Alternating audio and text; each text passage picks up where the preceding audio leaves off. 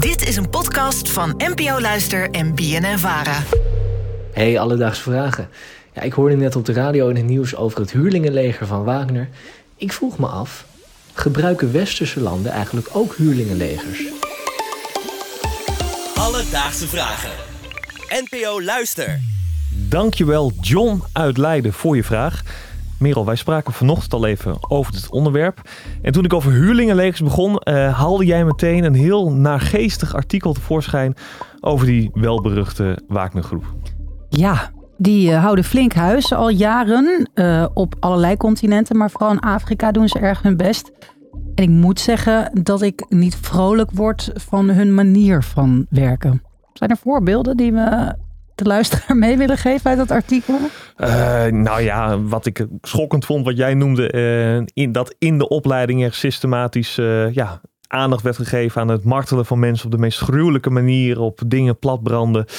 Noem maar op, eigenlijk te vreselijk om allemaal te noemen. Ja, Ehm, lijken in bosjes achterlaten, dat werk. ugh. Maar goed, Aaron, van de Wagnergroep weten we dat het een huurlingenleger is. Maar wat is nou eigenlijk gewoon een samenvatting van wat dat is? Nou, een huurlingenleger is om te beginnen geen nationaal leger. Dus het is niet een leger wat opereert voor eh, een land, zoals bijvoorbeeld de, Een staat, Nederland, ja, een staat, de Nederlandse ja. krijgsmacht, et cetera. Eh, het is een privaat bedrijf die zich laat inhuren voor in dit geval eh, militaire doeleinden. Ah, wat je een beetje met beveiligers ook kan doen. Ja, maar dan op legerschaal. Ja, op legerniveau. Oké. Terug naar de vraag van John of wij als westerse landen ook huurlegers gebruiken. Nou, voor een antwoord belde ik met oud-commandant landstrijdkrachten Marten Kruijf. Hij weet alles van het reilen en zeilen binnen het leger. En ook van huurlingenlegers weet hij genoeg. Dus Mart, kennen westerse landen ook huurlingenlegers? Ja, maar wel in een bepaalde context.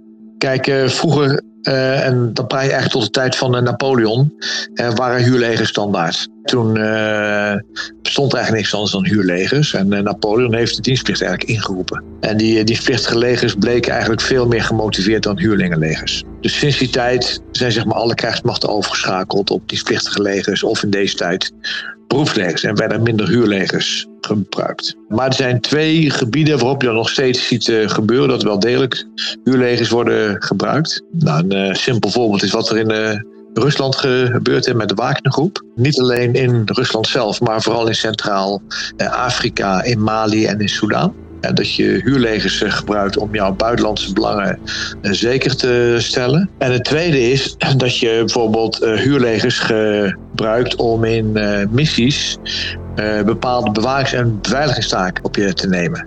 En zo werden heel veel kampen in Afghanistan die werden beveiligd door eh, private companies. Zo zag je ook bij de anti-piraterijmissie zag je ook dat dat soms uit het militaire werd gehaald en dat er ook eh, private ondernemingen voor werden ingeroepen om schepen te bewaken. Het Westen gebruikt ze dus ook, maar dan met name voor taken als beveiliging van kampen of bewaking tegen piraterij, zoals we hoorden. Ah, en welke landen huren van welke landen, weten we dat ook? Eh, nou, wat we in ieder geval weten is dat eh, de VS heeft ingezet, onder meer in eh, Afghanistan en Irak voor het bewaken van kampen.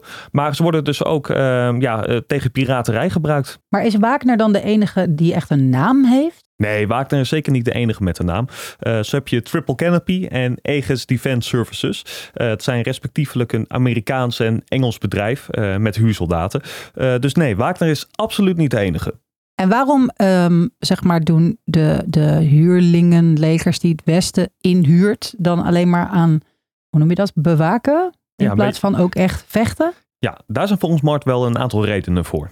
Nou, het is eigenlijk twee dingen. Eén is eh, professionaliteit. Een eh, beroepsleger is natuurlijk veel meer aangesloten op nieuwe ontwikkelingen, high-tech ontwikkelingen, eh, de laatste training, de laatste uitrusting, goed eh, leiderschap, dat is één.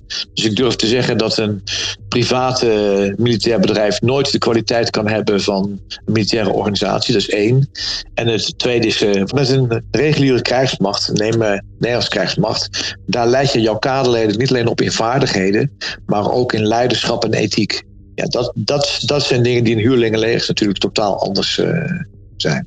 Totaal anders. En de vraag is of je dat als land wilt. Hè? Of je daar die verantwoordelijkheid ervoor wilt dragen.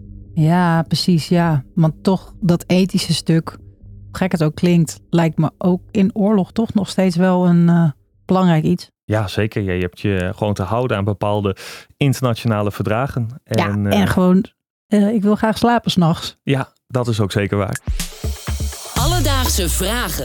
We hadden het net al even over andere namen van uh, huurlegers, behalve Wagner, die we nu allemaal wel kennen, denk ik. Maar toen moest ik ook denken aan het, uh, het Vreemdelingenlegioen. Het Vreemdelingenlegioen. Ja, daar heb ik altijd een soort gek, oud romantisch idee bij. Maar wie zijn het? Is het een huurleger? Ja, nou, begrijpelijke vraag. Dat had ik ook in mijn hoofd. Ik leg het natuurlijk ook eventjes voor aan Mart. En volgens hem zit dat toch iets anders. Ja, dat is gewoon een reguliere militaire eenheid. Dat zijn geen huurlingen. Het enige wat bij het vreemdeling anders is, is dat je ongeacht jouw achtergrond, mits het niet extreem is, maar ongeacht je achtergrond, kun jij gewoon dienen. En als jij, volgens mij is het 2,5 jaar, daar goed dient, dan kun je de Franse nationaliteit krijgen. Met restricties dat alle officieren altijd Frans zijn, of Franstalig in elk geval. Uh, maar dat is gewoon een reguliere militaire eenheid die zich ook altijd heeft te houden aan alle wetgeving die voor militaire eenheden van toepassing is. Dus John, vandaag zochten we uit of westerse landen ook gebruik maken van huurlingenlegers. En dat doen ze. Zo zette Amerika in het recente verleden huurlingenlegers in om een kampen in Afghanistan en Irak te bewaken. En daarnaast worden huurlegers ook gebruikt ter beveiliging tegen de piraterij. Maar voor geavanceerde militaire operaties gebruiken westerse landen eigenlijk geen huurlegers. Heb jij ook een vraag? Stuur ons dan een berichtje op Instagram. Dat kan naar Alledaagse Vragen. Of je kan een mailtje sturen naar alledaagsvragen.bienenvara.nl en dan zoek het voor je uit. Alledaagse Vragen. NPO Luister. BNN Vara.